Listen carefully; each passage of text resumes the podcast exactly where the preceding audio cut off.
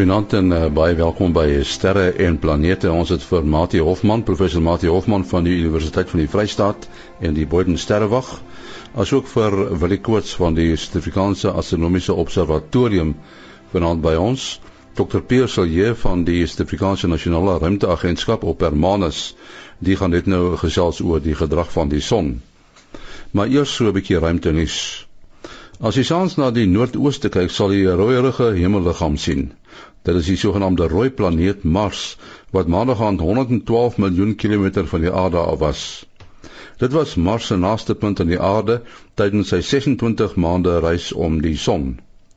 Mars het die posisie bereik 2 dae nadat die planeet in oppositie was. En as jy van Mars gepraat, die planeet is een van die besigtigings en besprekingspunte tydens 'n sterre en planete aand wat ons op 31 Maart by die Soedoring Natuurreservaat by Bloemfontein hou. Johan van der Berg, 'n landbouweerkundige by Santam Landbou, gaan onder andere praat oor die maan se invloed op die aarde se weer. En ek self en professor Mati Hofman sal aanbiedings hou oor Mars en die maan. Daar sal teleskope wees om na die maan en Mars te kyk. Mars sal nog steeds baie naby wees en as die lug stabiel is, behoort mens die poolkappe van die rooi planeet te sien. Vroeger die middag sal gaste kan sien hoe die leeu's gevoer word in die natuurreservaat. Navraag kan gedoen word by Irina Greiling by 056 5153549. 056 5153549 of sel 083 487 5724. 083 487 5724. Sien u dan die Saterdag aan die 31ste Maart. Die SpaceX maatskappy het bekend gemaak dat sy Falcon 4 pyl wat gebou is om die eerste kommersiële vlug na die internasionale ruimtestasie te onderneem, sy eerste toets saam met die Dragon kapsule ondergaan het. Tydens 'n sogenaamde nat kleetrepetisie is 342000 liter verfynde kerosien en vloeibare suurstof in die vuurpyl gepomp. Voorlanseerprosedures is gevolg terwyl ingenieurs 'n volledige aftelling gedoen het en 5 sekondes voor lansering gestop het. Tot sover ruimtenis. Ons praat met Dr. Pierre hier van die Suid-Afrikaanse Nasionale Ruimteagentskap op Hermanus, die ruimtewetenskapsdirektoraat en ons praat met hom oor die son se gedrag. Hy was 'n bietjie aktief in die begin van die week, net Pierre. En ja, die uh, hier uh, was 'n baie interessante week gewees en ons hou nou al vir geruime tyd 'n klomp die sonvlekke dop wat ehm uh, hier oor die naweek Sondag om die rand van die son gekom het en uh, daar was 'n M-klas uitbarsting en kort daarna 'n uh, X-klas uitbarsting maandagooggend 6uur. Uh gelukkig was hy op hierdie stadium weg van die aarde af. Uh hy het wel volgens voorspellings uh, die uh, potensiaal om Mars en uh uh te tref en ook Venus, maar uh die aarde het hierdie slag vrygespring. Uh so ons het min effek daarvan gehad. As jy sê M-klas en X-klas, maak 'n bietjie die onderskeid. Uh in uh die die klassifikasie van die uh, uh intensiteit van uh uitbarsting op die son word tipies gedoen volgens die intensiteit van die X-strale wat uit daardie ehm um, area van die son kom. En uh die uh M-klas is 'n bietjie bokant meer intens as 'n C-klas. Uh daar's 'n A, B, C, dan 'n uh, M-klas en dan 'n X-klas. Ehm um, en so X-klas uh, fakkels is is is redelik ongewoon. Ons het nou al 'n paar gehad vir jaar en die uh, uitbarsting van uh, Dinsdagoggend was 'n X-klas fakkel geweest. Uh voor hom was daar 'n M-klas fakkel en ons het nou al van dieselfde sonvlek groep 'n uh, stuk of 20 C-klas fakkels gehad. So die aktiwiteit van daai area van die son af is redelik hoog. En en hoe lyk dit uh, vir uh, die volgende paar dae? Is daar nog sonvlekke wat uh, besig is om nader te kom? Inderdaad, en hierdie einste uh sonvlekgroep draai nou na uh, uh, nader na die middel van die son skuif soos ons naam kyk en uh die magnetogram uh wat ons kan uh sien van daai sonvlek uh is is baie interessant. Dit is 'n hoogs ongewone konfigurasie en het die potensiaal vir uh nog meer X-klas uitbarstings uh in die volgende paar dae of miskien in die volgende week. Uh maar in die algemeen het die intensiteit van die son so gestyg dat uh, waar die agtergrondvlak B-klas was in die vorige week het ons nou al 10 C-klas vakkels gehad hierdie week so die die agtergrondvlak van sonaktiwiteit het nou al geskuif na C-klas vlak en ons sien die effek daarvan alreeds op die ionosfeer met 'n toename in die digtheid van die ionosfeer. Ja, baie dankie Dr. Pierselier van die Suid-Afrikaanse Nasionale Ruimteagentskap op Hermanus. Ons praat uh, weer met professor Mati Hofman van die Universiteit van die Vrystaat in die Boden Sterrewag en ook met Willie Koorts van die Suid-Afrikaanse Astronomiese Observatorium. Die naghemel maat lyk vir my nogal mooi deesdae. Uh, as jy mens opkyk, uh, daar is nogal baie te sien, né? Nee? Uh en in die tyd van die jaar voel ek baie tuis onder die onder die naghemel. Uh van die bekende somerkonstellasies is sigbaar. Jy kan maklik jou rigting vind en so meer. En daar's ook 'n uh die goeie kwota, mooi groeperings. Ek hou altyd van die groeperings waar die maan naby bekende uh veronderstelde bekende voorwerpe is want dit is makliker hulle om te om te vind en nou sommer uh vanaand na die program is nou volmaan uh kan mens die maan daar net regs effens hoor as die rooi planeet Mars vind in die oostelike rigting. Uh dis nou al 'n uh, entjie bo die horison want dis nou al 'n hele rukkie na sonsondergang met volmaan dan kom die maan mos op as die son ondergaan.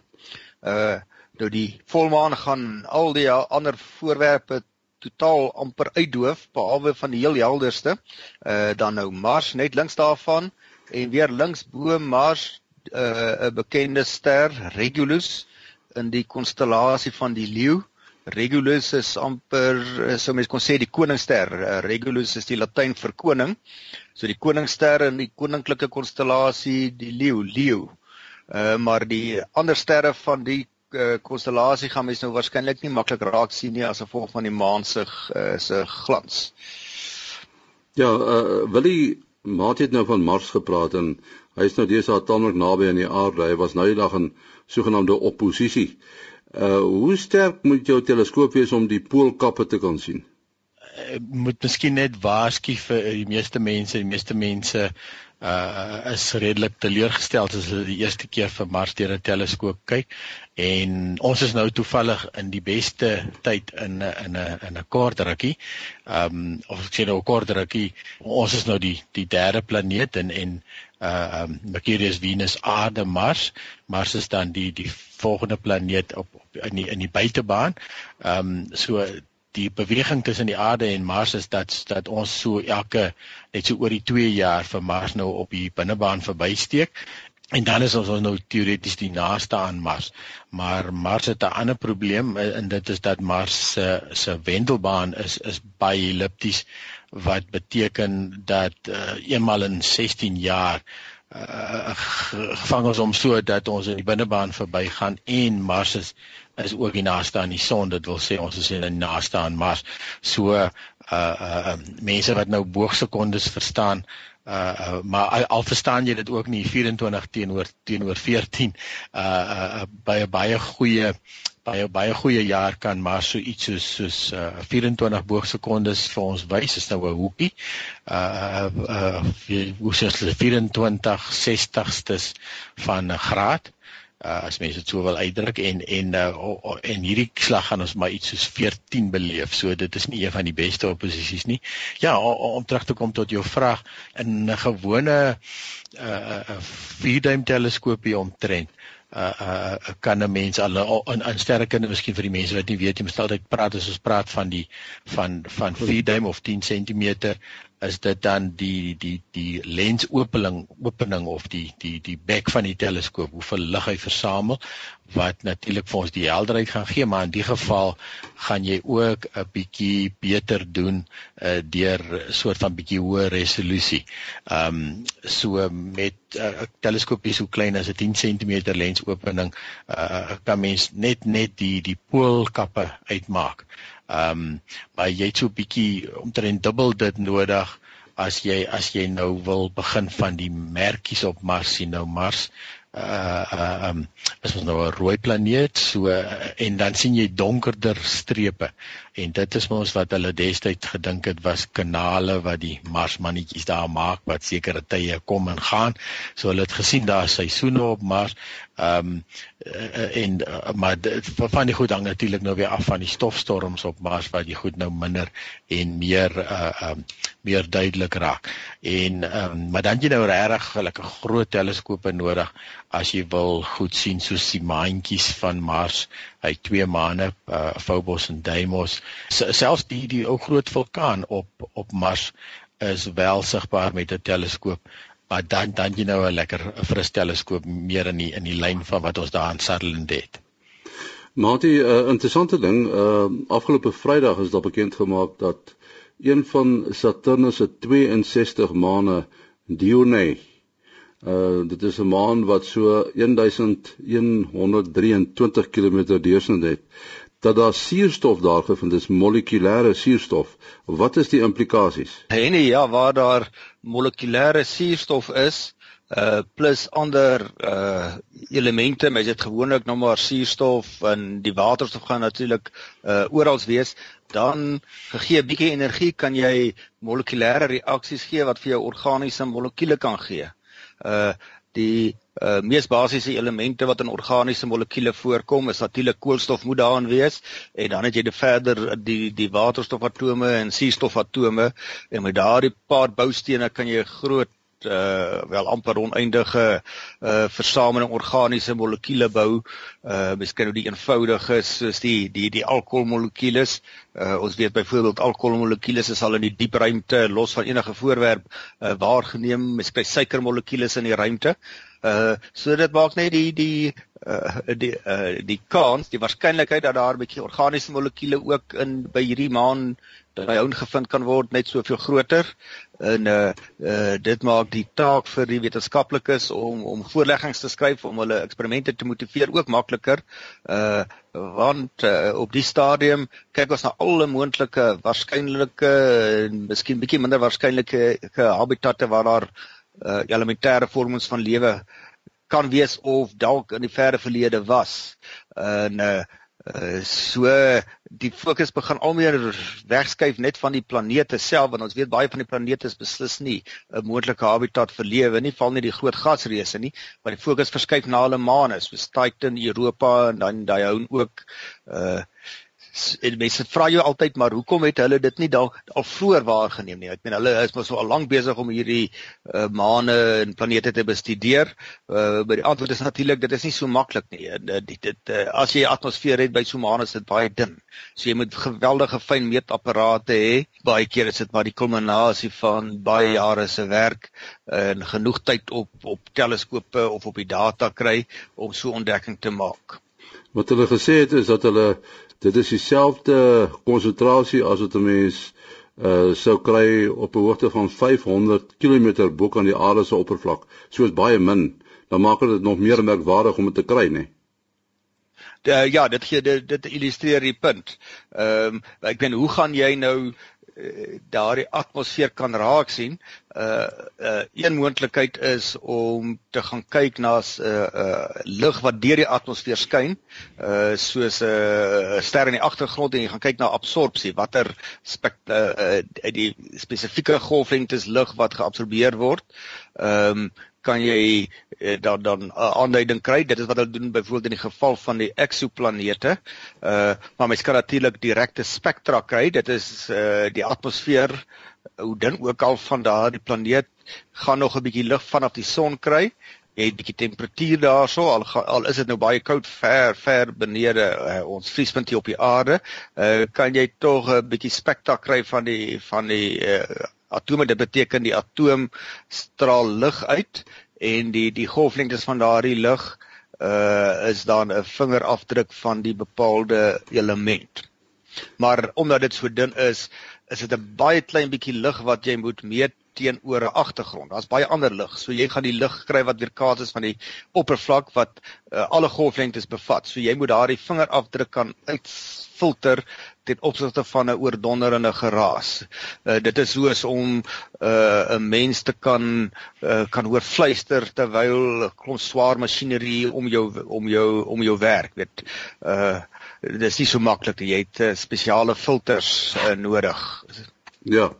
Uh wil jy net so ietsie oor astrofotografie? Een van die tegnieke wat gebruik word is nou die Engelse woord stacking, stapeling. Wat presies is dit? Uh ja, enige mens kan Ehm um, as jy nou uh, normaalweg probeer uh, okay, kom ons begin by die dag as jy in die dag foto's neem is daar genoeg lig en jy jou uh, beligtingstye is eintlik baie kort. Ek meen dis breekdele van 'n sekonde en ehm uh, tipiese duisendste van 'n sekonde en en selfs nog vinniger uh, in gewone dagtoestande. Hoe hoe donkerder die, die omgewing word, ehm um, het jy twee goed waarmee jy oh, ek seker drie goeters, jy kan ook met jou sogenaamde filmspoed speel die twee uh, stellings waarmee jy normaalweg uh, stel is is of die lensopening of die um, die film die die die die uh, lengte van jou beligting. Nou jy bereik baie gou-gou vol lensopening wanneer jy na die naghemel se kant toe werk want uh, die lig is natuurlik baie baie min. Uh tensy jy nou goed na soos die maan afneem of so aan, dan dan dan moet jy nog steeds in breekdele van sekondes werk. Maar ehm um, sodra as wat jy na die sterre toe wil gaan of veral deur 'n teleskoop waar jy nou nog vergroot ook. Nou as 'n mens nou dink jy het nou daai bietjie lig en jy sprei dit nou uit oor 'n oor 'n groot oppervlak. Jy sit jy maak die hele kamera vol met met daai bietjie lig, dan dan het jy nou nog steeds langer beligtings nodig. Nou ehm um, jou uh, standaard CCD uh, wat die sensor is wat ons sterrekunde mag gebruik hier by ons professionele sterrewagte ook al vir die laaste 40 jaar uh wat ons moet moet met CCD's werk maar omdat ons ons sensors afkoel kan ons kan ons eintlik ons ons beligting vir ure maak sonder sonder enige probleme. Maar nou is daar elektroniese geraas wat inkom inkom in 'n kamera en elektroniese geraas lyk vir die vir die uh, uitset van die kamera net soos lig wat ingekom het in die kamera. So dit dit plaas 'n beperking oor hoe lank kan jy belig. Nou jou meeste digitale kameras, die die semme van die makindruk modelletjies en so is um uh 10 sekondes, 15 sekondes. Ek sien so hier en daar een wat tot 20 sekondes gaan. Maar da, da, dat dit is soort van die die maksimum wat jy kan doen. Nou van jou van jou fancier kameras het het 'n uh, eh, sogenaamde CMOS tegnologie in, is nie meer CCD nie. En met CMOS kan jy allerlei ander triks doen en jy kan dan weer langer beligtings kry. So as jy as jy nie dit het vir jou kamera nie, is 'n baie goeie oplossing hierdie sogenaamde stacking of waar jy die beelde op mekaar sit. En daar is gratis sagteware beskikbaar. Mense kan kan uh uh um uh programmetjies gaan aflaai. Die een wat ek nou vinnig aan dink is Rot and Rot and Stack. So is roteer en en en dan op mekaar stapel. Matie, ek sien uh, hulle sê sterrekundiges beweer dat daar uh, tussen 200 biljoen en 400 biljoen sterre in ons in ons Melkweg is. Nou, jy weet, tussen 200 en 400 is daar natuurlik 'n groot verskil. Maar ek dink mense sal nou vra maar hoe weet hulle dit? Tel hulle elke ster of uh, is dit 'n uh, 'n sekere deel wat hulle sien en dan vermenigvuldig hulle? Uh ja, die interessante ding is is dat hierdie getal het ook so 'n bietjie verander vandat ek 'n uh, skoolkind was. Ek het groot geword met die idee van 'n uh, 100 miljard of 'n 100 000 miljoen en uh die skatting het met tyd opgeskuif na so 200 selfs tot 400 miljard. Uh die as 'n eerste beraming as sterrekundiges net 'n houvas wil begin kry op 'n probleem is om 'n orde skatting te maak. Dit beteken jy wil daarom jy wil daarom so binne 'n faktor 10 weet hoe groot is die heelal of hoe groot is die aantal sterre. Dit klink nie baie baie baie goed nie, maar dit is daarom al baie beter as om niks te weet. As jy binne 'n faktor 2 kom, so sê nou maar 200 miljard teenoor 100 miljard, is dit al redelik goed. En as jy nou binne 10% kom in die in die in die sterkkunde, is dit al uitstekend. Daar's natuurlik uitsonderings waar jy baie akkurater as dit kan weet, maar uh kom ons sê of die tipiese ster nou uh 10% swaarder as wat jy dink, jy het nog steeds 'n goeie idee van min of meer hoe swaar wat die massa van sterre is. Maar die die uh mees bekende metode, sover ek ten minste bekend is, is om uit die rotasie van ons sterrestelsel uh wat jy kan wat hulle kon meet uit langtermyn waarnemings uh en uit sy grootte kan jy 'n redelike aanduiding kry van die totale massa van ons sterrestelsel.